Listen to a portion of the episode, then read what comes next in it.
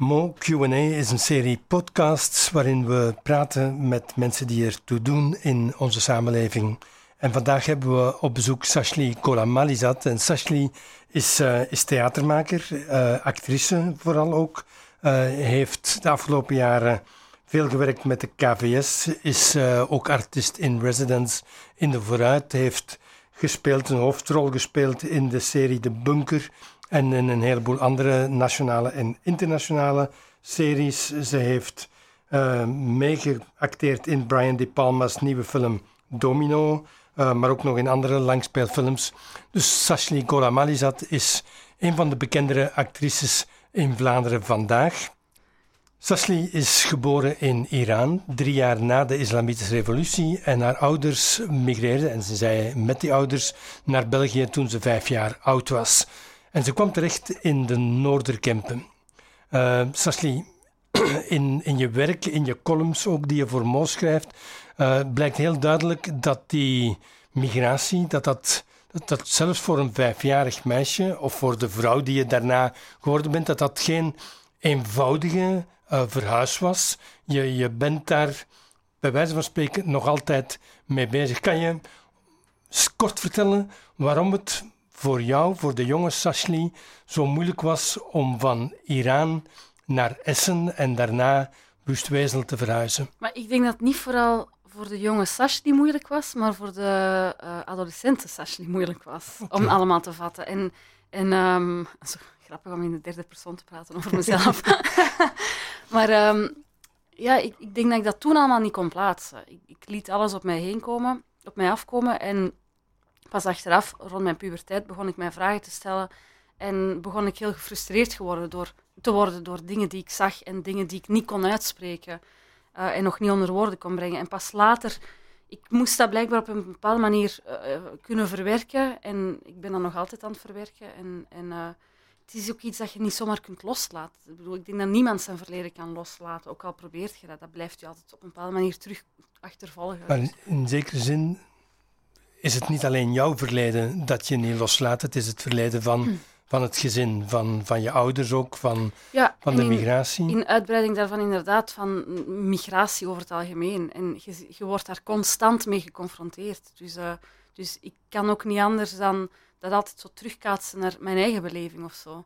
En op welke manier word jij daar vandaag nog mee geconfronteerd? Want je bent, je zou kunnen zeggen, een toonbeeld van iemand die het gemaakt heeft, die... Uh, die, die een rol speelt ook in de samenleving. Dus het is niet dat je achtergesteld bent of dat je geen nee, kans hebt. zelf niet per se, maar je ziet wel dagelijks op, op, op, op het nieuws de, de confrontatie met migratie, met, met mensen die op de vlucht zijn en, en uh, mensen die in, in, in uh, asielzoekerscentra wonen en terechtkomen en zo, of mensen die er juist totaal niet terechtkomen omwille van uh, de, het drama van, van hoe dat dit loopt. Maar um, dus ik word op die manier daar al constant mee geconfronteerd. Niet per se gewoon met, met mezelf en mijn eigen belevenis en mijn eigen verleden, maar gewoon door te zien hoe dat andere mensen daar dagelijks door uh, geraakt worden. Of juist helemaal niet, niet door geraakt worden, dat raakt mij ook. Ja. Dus hoe, hoe, hoe onmenselijk dat wij daarmee omgaan, dat, is, dat, is, dat, is nog, uh, dat vind ik nog het moeilijkste om te verwerken. Ja. Je schrijft ergens in een van de columns dat, uh, dat je toch als kind, uh, niet misschien als vijfjarige, maar als zevenjarige, voortdurend geconfronteerd werd dat je toch anders was dan de rest. Dat, je, dat die ervaring toch heel erg bepaald heeft hoe je in deze samenleving staat en, en hoe je omgaat met je eigen verleden. Ja, dat klopt wel. Um, wacht, wat moet ik daarover vertellen? ja, nee, op welke manier speelt dat voor, voor zo'n jong kind Ehm, die, die... Ja, ik denk dat ik dat toen, zoals ik al eerder zei, kon dat toen niet plaatsen. Maar, um, maar je ervaarde het wel. Misschien je, ziet dat van... in, Ja, dat is eigenlijk in gedrag van anderen. Uh, je ziet dat door wat ze niet zeggen en door dat ze. Door, allee, want vaak zie je dat eerder door wat ze niet zeggen dan door wat ze wel zeggen. Dus de, de uh, inexpliciete taal of, of, of het gedrag is, is soms veel pijnlijker. En, uh, en je voelt je daardoor soms veel meer uitgesloten dan, dan dat mensen het in woorden uitdrukken en je daarmee confronteren dat je anders bent. Dat werd niet gedaan. We zijn ook niet in, we leven ook niet in een maatschappij waarin dat mensen die confrontaties aandurven. Dus ik voelde heel de tijd zo iets dat schuurde, echt constant, dat niet klopte. En, en dat is gewoon het gevoel van mijn hele leven, dat, dat alles heel de tijd, dat ik ook mij aanpas aan een omgeving waarin ik niet thuis hoor. Dat is, dat is eigenlijk gewoon hoe ik altijd mijn leven heb beleefd. En ik heb dat soms ook als, iets zwaars beschouwd of maar ik heb dat ook wel omgezet naar iets heel moois en, en, en fijns. En ik kon dat pas doen door op te groeien en weg te gaan uit België. Dat is ook wel weer uh, uh, de ironie ervan. Je kunt pas leren houden van het land waar je terecht gekomen. In mijn geval was dat dan. Uh, door daarvan weg te gaan en door van, van op afstand naartoe te kijken en die cultuur opeens op een heel andere manier te bekijken en te, te begrijpen. En, en dan los te laten van het, het beeld wat ik dacht dat ik moest zijn, dat heb ik op een gegeven moment losgelaten en ik ben geworden wie ik moest worden. En ik merk dat ik opeens wel aanvaard word. Maar dat is, ja, dat is, uh, ik had dat op een bepaalde manier nodig om, om, om, op die manier uh, België te omarmen of zo. Um, en ook omarmd te worden door België. Ja. Door mezelf te zijn. Ik eis dat gewoon op. Je wil omarmd worden. Ik wil omarmd worden door uh, mij, uh, in mijn volledigheid. En dat heb ik vroeger nooit toegelaten. Ik, het was altijd, ik koos altijd tussen de ene wereld, hè, de Belgische wereld, of de Iraanse wereld. Ik, klikte die, ik, ik liet die niet aan, aan elkaar zien. Ik, um, ik vond dat iets heel moeilijks om met elkaar te, te, te verzoenen.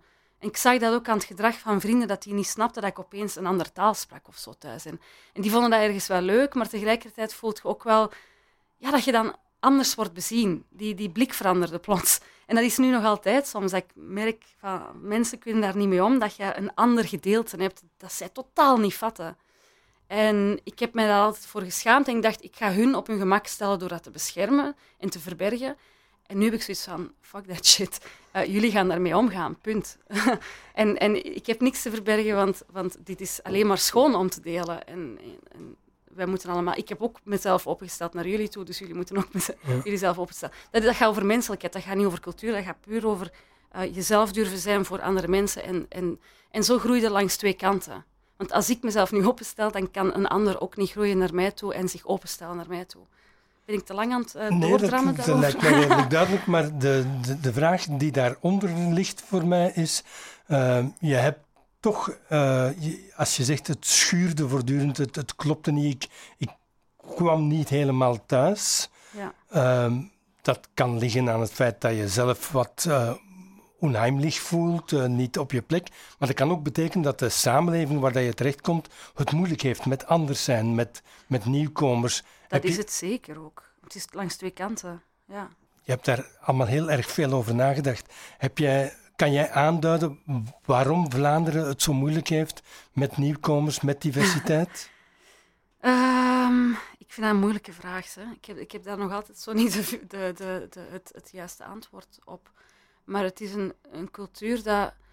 Ja, ik, ik, heb ook altijd soms zo schrik om dingen te zeggen die kwetsend zouden kunnen zijn. Maar het, is geen. Um, Bijvoorbeeld België is een klein land, hè, dus dat is eigenlijk vrij hard um, een soort van plattelandsmentaliteit lang geweest op een bepaalde manier. Dat is geen stedelijke mentaliteit. Als je bijvoorbeeld Brussel neemt, is dat een gigantisch verschil al met Antwerpen. Is dat een gigantisch verschil met de dorpen. Um, en ik, wil daar, ik bedoel daar niks verkeerd mee, maar ik bedoel wel van, zij hebben nooit niet anders gekend dan enkel hun eigen omgeving en hun eigen taal. En ik merkte onlangs nog op de bus dat ik terug in Vlaanderen... Uh, um, iemand een accent hoorde praten. Ah, door de, een, een, conducteur in de trein sprak met een accent en er waren, de jongen, er waren jongeren daarmee aan het lachen.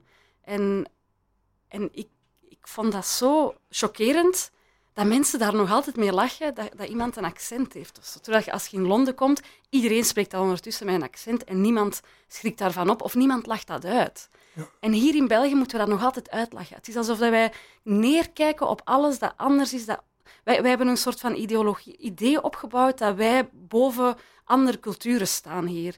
En dat vind ik echt iets, iets heel vies. En uh, als we het dan toch over beschaving willen hebben, dan moet je juist gaan beginnen kijken naar je eigen. Van, hoe kun je zo naar de andere mensen kijken als je zelf, uh, uh, ja, als je jezelf de beschaving noemt? maar ja, ik heb geen antwoord op hoe. Ik ben, ik ben ook geen, geen, geen socioloog of zo om dat op die manier te gaan duiden. Van, dat is, dat is waar het door komt. maar je, je gaat daar wel in staan. Het is niet iets waar je, waar je laten we langsloopt. Je, je eigen creaties, je eigen werk, je eigen uh, manier om in de samenleving te staan, is, is juist heel actief proberen daar een rol in te spelen, toch? Vind je dat? ik weet dat niet. Ik probeer dat wel altijd in vraag te stellen en ik probeer altijd op een bepaalde manier inclusief te zijn en, en een verhaal te vertellen dat um, anders is en toch uh, mensen samenbrengt. Maar ik heb niet het gevoel dat ik heel erg in de samenleving sta. En dat is misschien ook mijn eigen worsteling met mezelf. Ik zou dat wel willen, maar ik voel dat dat, dat, dat mij ook beangstigt of zo. Ik, ik, wou dat ik wat meer activistisch was ingesteld misschien, maar ik heb afstand nodig van de mensen om te kunnen nadenken daarover. En als ik daar middenin sta, dan kan ik daar niet over nadenken. Dan, dan word ik geleefd. En ik moet het zelf kunnen... Ik moet er van op afstand naar kunnen kijken en, en, en uh, in vraag kunnen stellen en mezelf ook mee in vraag blijven stellen. Jezelf in vraag stellen is een van de, de kernpunten van je werk. Hè. Blijkt ook uit de columns die je voor Moos schrijft. Daar wordt heel dikwijls vertrokken van de twijfels die je hebt over je eigen positie, over je eigen strijd ook.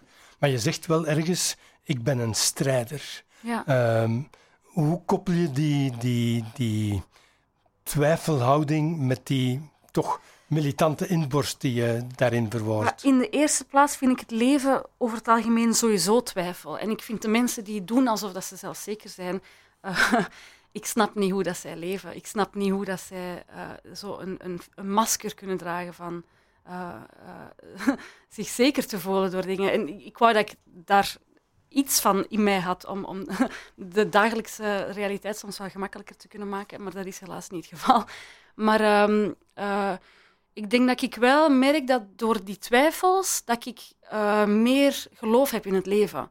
Door twijfels toe te laten, merk ik van oké, ik, ben niet, ik ben niet alleen in mijn twijfels. Iedereen draagt die angsten met zich mee en iedereen probeert op zijn manier zijn leven zowel te verwerken als een plaats te geven, zijn toekomst uh, een bepaalde manier te, te vormen. Um, en iedereen probeert wel het goede te doen voor zichzelf. Um, en ik denk dat omdat ik heel lang mezelf heb aangepast en weggecijferd en grijs heb gemaakt, om, omdat ik schrik had om op te vallen, omdat ik schrik had voor de commentaar, schrik had om gehoord te worden, om een stem te hebben, um, heeft dat mij leeggezogen ook op een bepaalde manier. Maar ik voelde wel, nu de laatste jaren ben ik een inhaalbeweging aan aan het maken en ik voel dat ik um, ja, enorm strijdvaardig ben. Ik, ik, en dat is op mijn manier, maar ik kan, ik kan niet opgeven. Ik, ik heb een enorme drang om de lelijkheid van de wereld of zo te, uh, zowel te duiden als, als iets nieuws in de plaats of zo te, te, te, brengen. En, en dat is wat mij rust geeft en mij zin geeft om te leven of zo. Dat, dat is iets. En, en dat nieuwe, dat noem je daarnet ook. Ik probeer inclusief te zijn in mijn werk. Wat betekent dat eigenlijk? Hoe, hoe kan één stem inclusief zijn? Ja, ik, ik kijk heel, ik, ik, doe eigenlijk heel veel zelfonderzoek op een bepaalde manier. Hè. Um, en omdat ik, ik heb op een gegeven moment mezelf als onderwerp genomen omdat ik uh, mezelf wou normaliseren. Omdat ik altijd zo mezelf als een alien zag. En, en ik wou mezelf een plaats geven in de wereld, in de maatschappij. En daardoor heb ik mezelf als voorbeeld genomen. Maar ik denk dat ik sta voor zoveel mensen, voor iedereen. Dus wij staan allemaal voor elkaar. Allee, als in, wij staan allemaal symbool voor elkaar. En ik, heb, ik vertrek vanuit mezelf omdat ik mezelf gewoon het beste ken of wil kennen. Um, en dan door dit soort verhalen te vertellen, wil ik sowieso tegelijkertijd iets vertellen dat heel anders is dan de realiteit van de meeste mensen rondom mij, maar tegelijkertijd ook helemaal niet beangstigend hoeft te zijn. Dus als ik bijvoorbeeld het heb over mijn relatie met mijn moeder, wil ik in de eerste plaats dat mensen zien van dat is een botsing van mensen die elkaar heel graag zien, maar uh, heel veel moeite hebben om, om elkaar te snappen.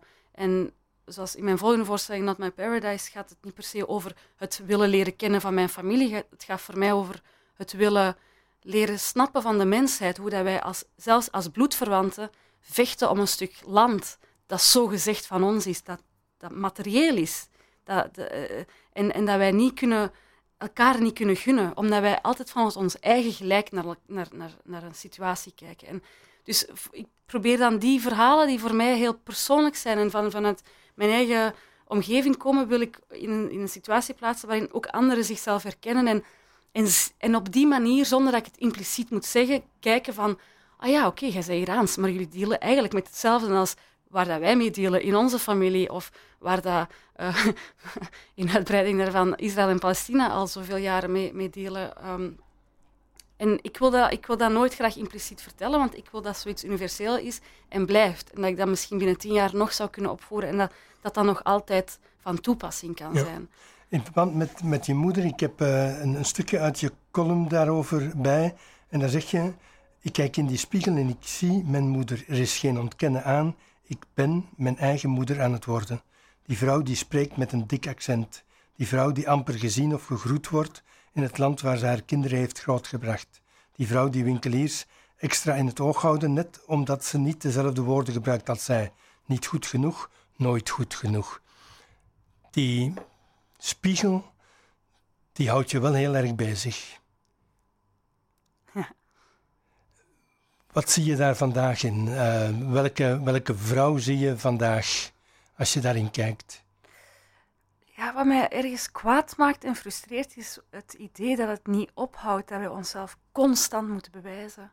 En, en ik bedoel, je pakt mij vandaag op een heel emotioneel moment, dat het mij enorm raakt om dit terug te horen.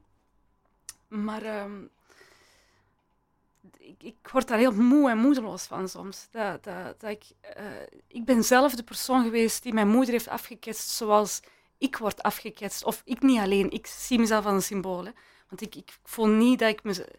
Ik, ik word niet persoonlijk afgeketst, maar mensen zoals ik, mensen van een andere afkomst, mensen met een dubbele nationaliteit, of zelfs drie dubbele nationaliteit, worden afgeketst door onze maatschappijen. En dat gaat puur over politiek, dat gaat puur over strategie, dat gaat niet over, over uh, ik haat uw kop omdat jij een donkere kop hebt. Dat gaat echt over van hoe kunnen wij onze maatschappij in stand houden en hoe kunnen wij uh, kunnen blijven uh, andere landen uitbuiten en, en, en rijk blijven.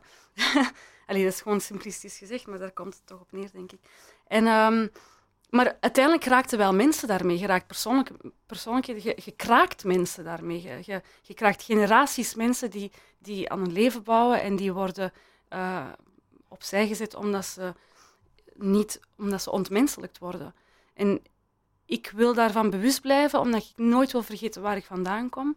Omdat ik ik vind dat dat iets heel belangrijks is, dat wij altijd onze geschiedenis op een bepaalde manier eren. En dat wil niet zeggen dat, dat je... Trotsheid of, of nationalisme is iets dat ik eigenlijk mm, beangstigend vind, dus ik wil daar ook niet te veel aan toegeven. Hoewel dat ik wel heel blij ben met mijn achtergrond en mijn Iraanse achtergrond of zo, maar um, uh, dat wil niet zeggen dat, dat ik niet kritisch ben op Iran bijvoorbeeld, dat ik niet kritisch kan zijn op mezelf bijvoorbeeld. Allee, we moeten daar we moeten daar open in blijven en, en, en onszelf ook telkens in vraag blijven stellen. Um, ik weet eigenlijk niet waar ik naartoe aan het gaan ben. nee, we vertrokken van, van de spiegel en van, van het feit dat je in je, in je eigen, dat je als je jezelf ziet, je moeder terugziet, uh, waar dat je ook veel mee geworsteld hebt. Hè? Ja, en ook het, het ding is altijd zo, uh, een moeder staat voor mij dan ook symbool voor uh, iets dat je wordt waar dat je heel leven tegen hebt verzet. Ehm, maar dat je uiteindelijk zelf ook wordt. En, en voor mij is dat geruststellend om die angst toe te laten en gewoon te worden wie ik gewoon moet worden. En dat is, dat is waar we allemaal mee delen. En we, we leven in een... Rond onze twintiger jaren denken wij allemaal van... We zijn super maakbaar, we kunnen doen wat we willen, we, we staan boven alles. Boven onze familie, we kunnen alles opzij schuiven. En op een gegeven moment komt alles terug in je gezicht. En, en je, wordt geconfronteerd met uh, patronen die dat je niet van je eigen af kunt schudden. En, en soms is dat ook mooi om dat gewoon te aanvaarden. Dat wij kunnen die perfectie nooit bereiken. Wij kunnen echt, maar we kunnen er alleen maar naar, naar streven, maar we kunnen dat nooit bereiken. En uh, die, die balans van het aanvaarden en het toch proberen vind ik wel iets heel belangrijks. Die worsteling uh, om, om de vrouw te worden die je, die je moet worden of die je kan worden. Uh, heb je die ooit op een extra eh, intense manier gevoeld vanuit de traditie waar je ouders uitkwamen? Ik, ik verduidelijk even, heel veel mensen die horen ik kom uit Iran, denken meteen aan een heleboel uh, oordelen, vooroordelen over de Iraanse omgang met meisjes, met vrouwen. Uh, is dat iets wat, wat jij in je opvoeding, in je opgroeien ook gevoeld hebt, dat je daar extra moest tegen vechten? Uh, ja, sowieso, maar niet per se vanuit mijn eigen opvoeding. Eerder vanuit uh, de beeldvorming van, van de buitenwereld naar mijn uh, leefwereld toe. Dus ik heb nooit niet anders gekend dan dat er verkeerde beeldvorming is rond mijn wereld, rond mijn achtergrond. En op een gegeven moment ben ik dat bijna zelfs gaan, zelf gaan geloven. Dat, hoe dat mensen mij zagen dat ik dat bijna was. Um, wij komen ook totaal niet uit een traditioneel gezin of zo. Uh, uh, ja, wat is een traditioneel gezin trouwens? Uh, ik ken heel weinig mensen die uit dat soort traditionele gezinnen komen, die, die wij ons voorstellen rond Iran. Maar um, het heeft, sowieso worstel ik wel met het beeld van vrouw zijn. Want ik denk dat ik mij meer heb geconformeerd naar het beeld van wat Vlaanderen van mij verwachtte dan naar het beeld van wat mijn ouders van mij verwachten. En dat ben ik, daar ben ik nog altijd dagelijks mee aan het worstelen. Ik denk ook de volgende voorstelling die ik nu aan het maken ben, uh, Let Us Believe in the Beginning of the Cold Season, is wel een verwerking van uh, het trauma van uh, vrouwelijkheid. Wat, wat, wat, is het wat ik wil, wat ik naar verlang en wat is het waar, wat de wereld van mij verlangt? Zowel de westerse wereld als de, oosterse wereld. En ik hou niet van die twee termen, want voor mij bestaan die twee uitersten niet. Maar ik gebruik die termen ook gewoon gemakkelijkheidshalve om, om het verschil, het zogenaamde verschil. ja, en, en, en speelt dan voor jou in, in jouw benadering of begrijpen daarvan religie een, uh, een rol? Hier of, of maar religie heeft bijvoorbeeld in mijn leven nooit een rol gespeeld. In ons familiale leven heeft dat nooit een rol gespeeld. In de enige manier waarop ik met religie werd geconfronteerd was als mijn oma's naar België kwamen. En voornamelijk één oma die bad uh, bidden, hoe, heet, hoe noemt dat? en, en ik vond dat eigenlijk zelfs een heel mooie, mooie ervaring, want ik zag mijn oma soms bidden in haar eentje en, en dan in, ergens in een hoekje, dan ging ik daarbij zitten en dan zat ik gewoon naar haar te luisteren en te kijken. En dat vond ik gewoon een fantastische ervaring. En, um, maar een ervaring van intimiteit eerder. Ja, en warmte. En, en dat, dat was iets dat zij beleefde en dat was puur van haar. En ze heeft dat nooit op geen enkele manier aan ons opgedrongen. Mijn ouders hebben, hebben, hebben dat ook nooit aan ons opgedrongen. Uh, dus ik ben nooit met religie grootgebracht. Dus dat is nog grappig, dat, dat ik heel vaak van die vragen moet krijgen van mensen over religie. Terwijl ik, van, ik denk dat jij er meer over weet dan ik. Ja, maar je bent wel naar een katholieke school geweest, neem ik aan. Heel, ja, helaas wel, ja. Trauma van mijn leven. Nee, ja, dat was toch wel een traumatisch. Ik, denk, ik heb toen heel veel uh, strafstudies gekregen. Dat, ik denk dat ik daar. maar dat was ook, ik denk, mijn, rond mijn puberteit. Ik zat dan op een katholieke school en ik, rond mijn puberteit ben ik helemaal opeens van dat verlegen meisje beginnen open te bloeien naar een enorm strijdvaardig kind dat enorm gefrustreerd was en nergens begrepen werd, nog thuis, nog op school. en dat kon soms opeens exploderen. En leerkrachten wisten niet hoe, hoe ze met mij moesten omgaan. En dan waren die extreem streng, maar ja, dat, heeft, dat had bij mij geen nut. Um, dus ik heb daar wel een trauma van opgelopen, van die, dat soort scholen. Dat die, die heel erg gesloten zijn en, en bekrompen zijn zelfs. Uh, en, en totaal geen, geen voeling hebben met de realiteit van, van pubers, waar zij mee geconfronteerd worden. En zeker al niet als je al van een andere achtergrond komt en uh, hoe dat ze daarmee moeten omgaan. In mijn tijd was dat toch echt iets dat totaal nog niet bestond. Ja, maar, maar jouw puberteit was niet Iraans, die was gewoon Vlaams, zou je kunnen zeggen. Ik weet niet wat het was. Het was iets tussen. Ik begon wel echt. Um, ik begon een enorm gevecht met mezelf aan, omdat ik het gevoel had telkens te moeten kiezen tussen die twee werelden. En ik had. Um, ik had ook begon Belgische, ik begon ook Iraanse vrienden te krijgen. En tot dan toe had ik alleen maar Belgische vrienden. Um, en ik begon het verschil in te zien, hoe dat, hoe dat aan mij eh, veranderde. En, en hoe dat aan een andere kant in mij naar boven haalde, dat ik volledig verloren was geraakt de voorbije jaren. Doordat, ik daar, ja, doordat dat helemaal gesloten was gebleven. En ik bloeide daar helemaal van op, maar tegelijkertijd kon ik dat niet plaatsen. En, um, en ik had het gevoel dat ik heel de tijd daartussen moest kiezen. En ja, en da daar werd ik gewoon heel baldadig van, denk ik. Of zo, ja, gek van. Je schrijft ergens anders. Uh... Ik, ik, ik, was niet agressief of zo. Het is maar even was niet gevaarlijk. Dat is niet gevaarlijk, alleen naar mezelf toe. en ook dat niet op een uh, extreme manier. Maar je schrijft ergens, uh, mijn hele familie hangt aan elkaar van afscheid nemen. Wij, wij lijken gedoemd om altijd opnieuw afscheid te moeten nemen van elkaar. Uh, en, en om nooit te kunnen blijven, nooit thuis te zijn waar, waar we zijn. Um, tegelijkertijd keer je terug. ben je de afgelopen jaren onderzoek gaan doen in Iran naar, naar je familie, naar, je, naar, naar waar je vandaan komt. Daardoor vraag ik me af, ben je nu bezig met afscheid nemen of ben je juist bezig met dat afscheid te voorkomen en aan te knopen bij alles waar je ook wel vandaan komt? Um, ik, ik, ben constant afscheid aan het nemen. Dat is, uh, ook dat stopt gewoon niet. Maar lees ik vandaag zo ben gewoon heel erg moe.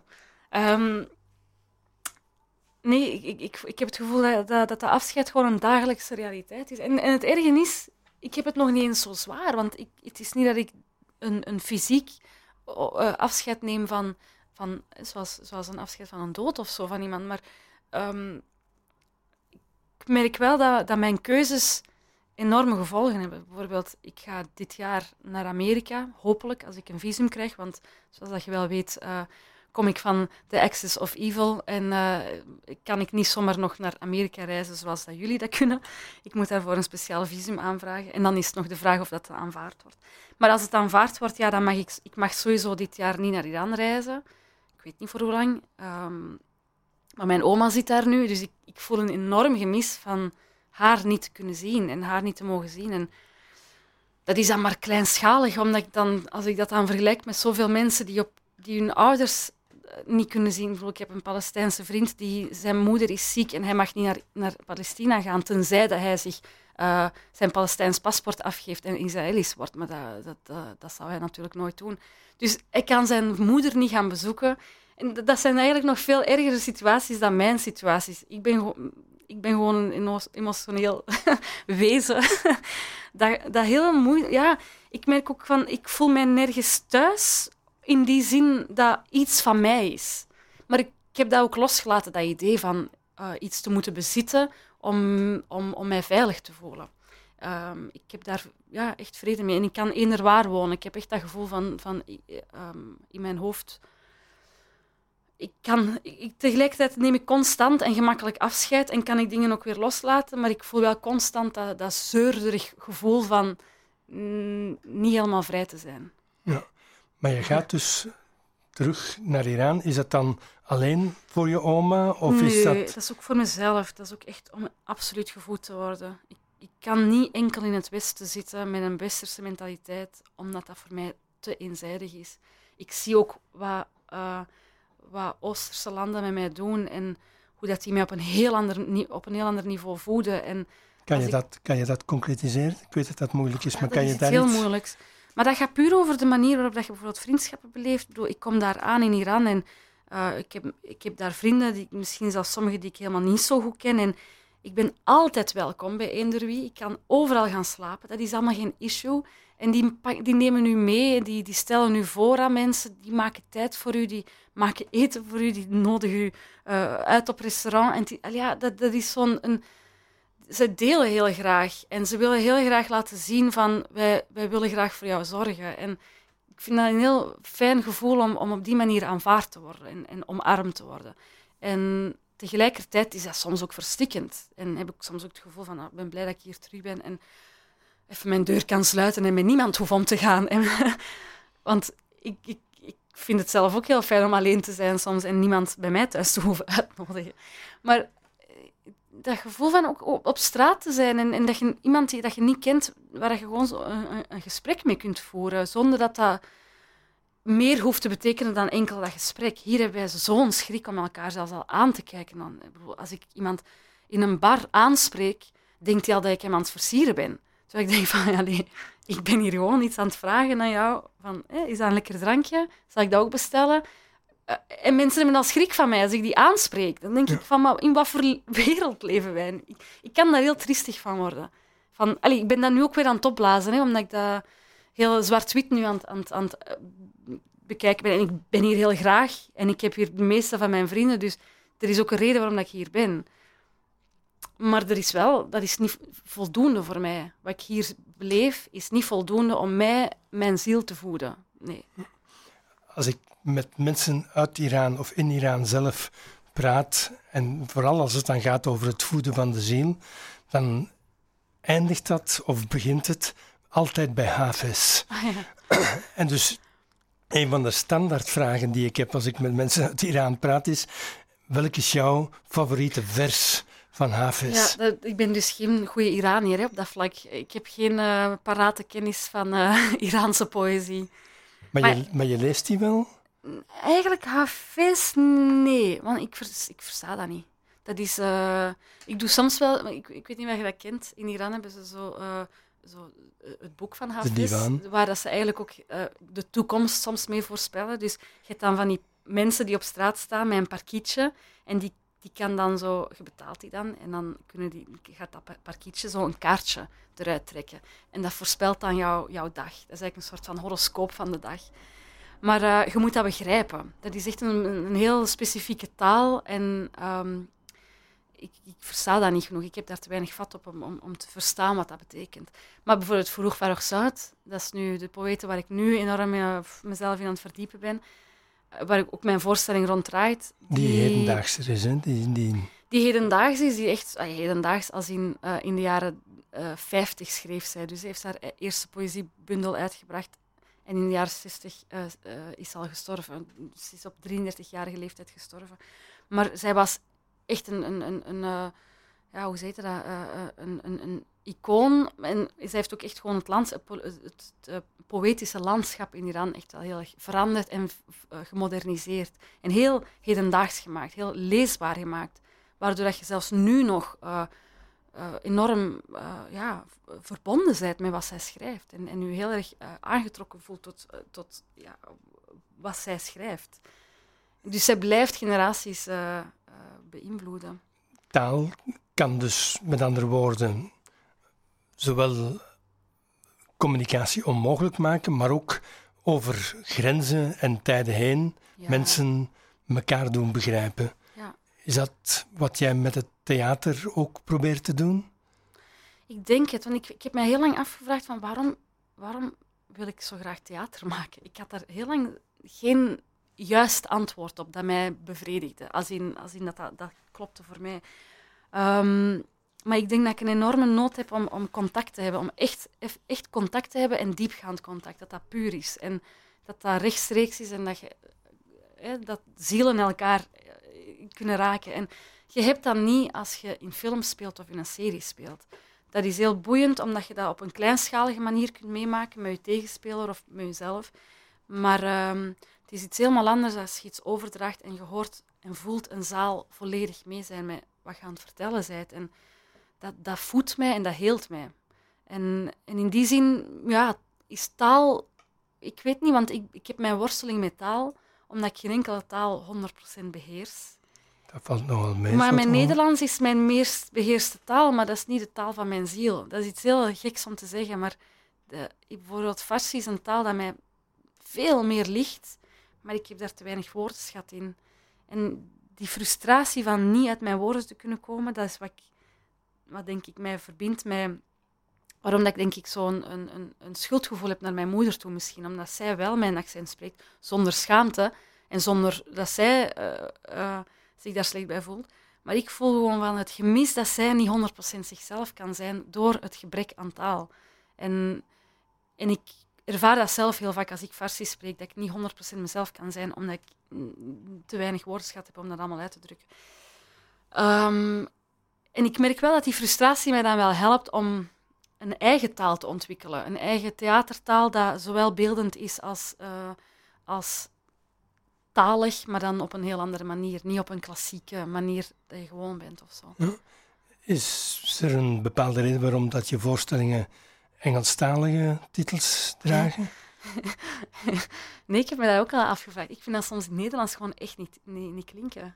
Eh, en, ik bedoel, a reason to talk, een reden om te praten. Dat- Ik bedoel, niemand gaat naar die voorstelling komen kijken, sorry. Let us believe in the beginning of the cold season. Uh, ik begin er al niet aan, sorry.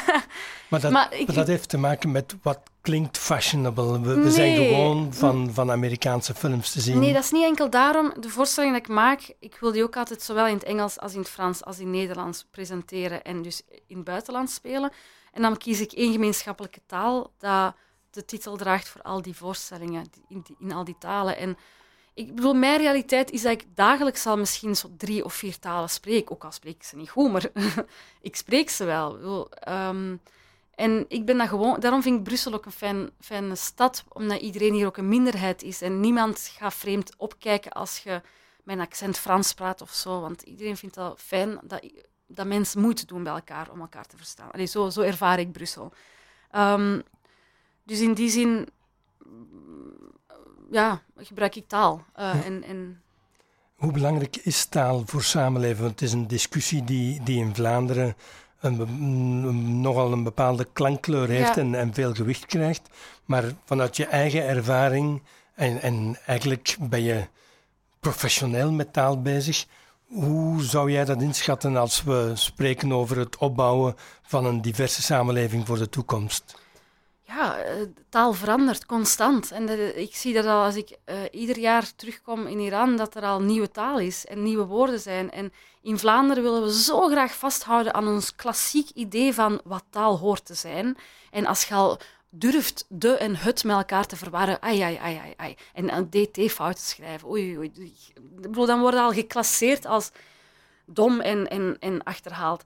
Maar, maar dan, kijk naar Nederland. Bedoel, die taal verandert daar wel, omdat dat een veel jonger land... Allee, jonger als in, er, wonen veel meer jonge mensen en die durven die straattaal ook te vermengen met, met de hedendaagse taal. En ik denk, er is niks mis mee, zolang dat je blijft ook uh, Nederlands... Uh, allee, als je op school op een juiste manier Nederlands leert en Nederlandstalige boeken leest en de Nederlandse taal en cultuur leert vatten, dan kunnen die twee naast elkaar bestaan. Dan kunnen zowel de, de nieuwe taal omarmen en meegaan met de tijd waarin we leven, waarin dat, dat verbastert, maar tegelijkertijd ook gewoon respect houden voor wat er was. Maar ik vind wel, ja, de tijd gaat vooruit en mensen gaan ook veranderen ook en we, ontwikkelen nieuwe woorden om ons uit te drukken. Deal with it. Voor heel veel jongeren heeft dat heel veel belang en we moeten ook op die manier kijken naar, naar de samenleving. Het gaat niet alleen maar over ons, maar er zijn jongeren nu die hier aan het opgroeien zijn en uh, die hier hun, hun identiteit aan het vormen zijn en die van België houden, die enkel België eigenlijk hebben als hun huis, als hun thuisland. En ik vind dat iets heel moois dat zij een nieuwe woordenschat ontwikkelen om zichzelf mee uit te drukken. En dat is misschien niet de taal dat wij gebruiken, die wij gebruiken. dat wij. Die.